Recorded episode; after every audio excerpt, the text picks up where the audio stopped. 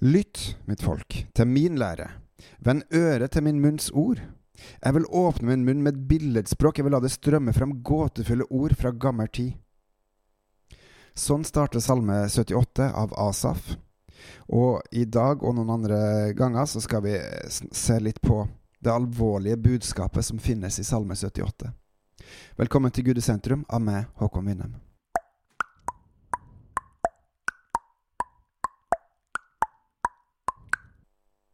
Det vi har hørt og veit, det våre fedre har fortalt oss, det vil vi ikke skjule for deres barn.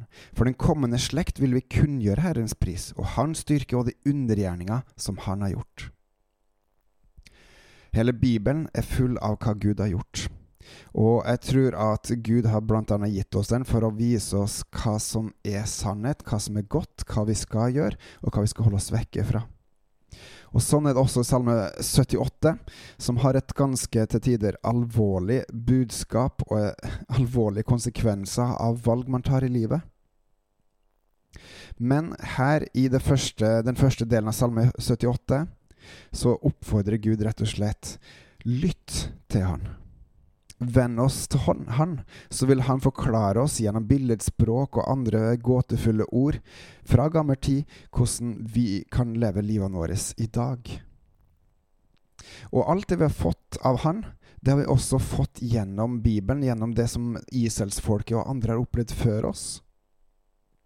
Gjennom det så har han åpenbart og kunngjort oss hva som er hans styrke, hva hans undergjerninger er som han har gjort for sitt folk, Israelsfolket, og som han også har lyst til å gjøre i dag.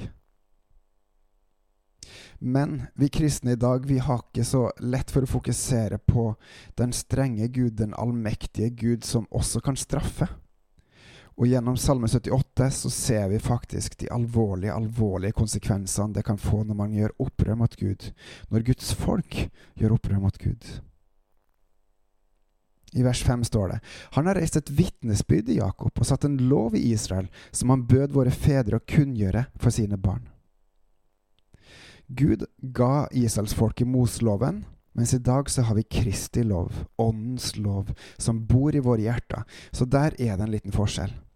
Og samtidig, Gud har gitt oss sin lov for at den kommende slekt, de barn som skulle bli født, skulle lære å kjenne dem, så de igjen kunne stå fram og fortelle dem for sine barn.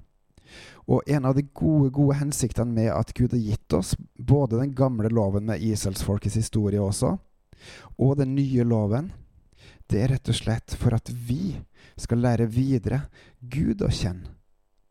At vi kan stå fram og fortelle for våre barn hva Gud har gjort, og hva Gud gjør, og hva Gud vil gjøre både på godt og ondt. Ikke at Gud er ond, men at vi kan være onde, og vi kan gjøre onde valg som får konsekvenser, som Gud må straffe fordi at vi gjør urettferdighet. Slik skulle du sette sitt håp til Gud, og ikke glemme Guds gjerninger, men holde Hans bud. Og her er den positive sida.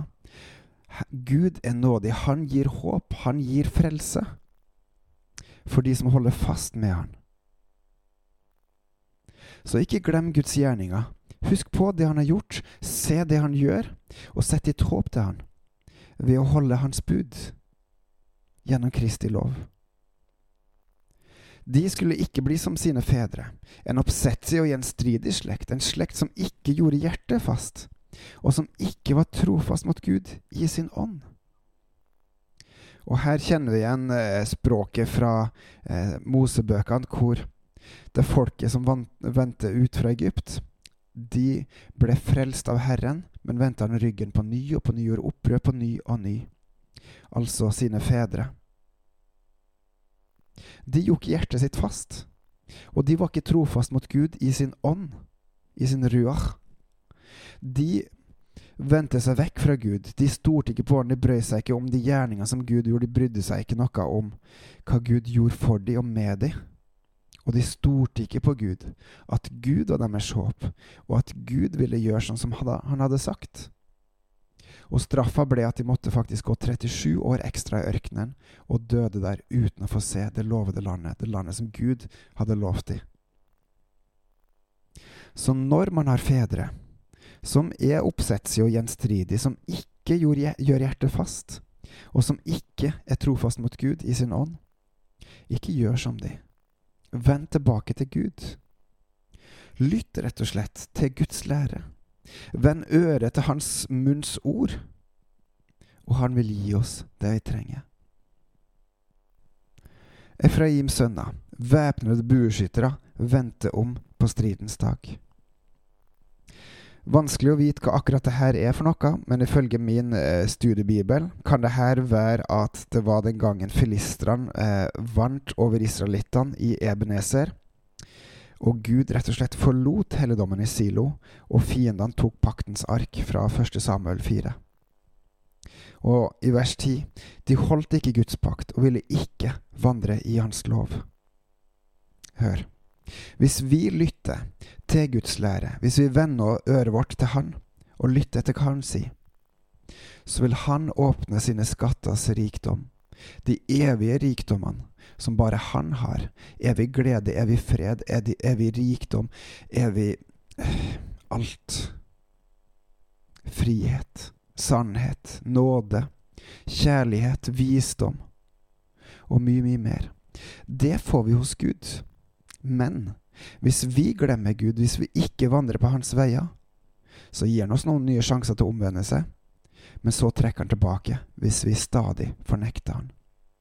Da lever vi i urettferdighet, og vi fortjener straff, fordi vi ikke holder Guds gode ord. Vi må ikke være av de som ikke holder Guds pakt, og ikke vandrer i Hans lov, Kristi lov. Så la oss sammen vandre i Guds lov. La oss sammen lese Bibelen og lære å kjenne hva står der, hva det Gud sier til oss, og la Den hellige ånd forklare oss hva som står der. Da vil Den hellige ånd åpne våre ører, sånn at vi hører og vi forstår, og vi kan velge om vi vil følge det Han viser oss og forteller oss, etter Guds lov. Kom, la oss gå med Gud. Kom, la oss gå til Gud og få opplæring av Han og følge Han. Bebels og på gjenhør.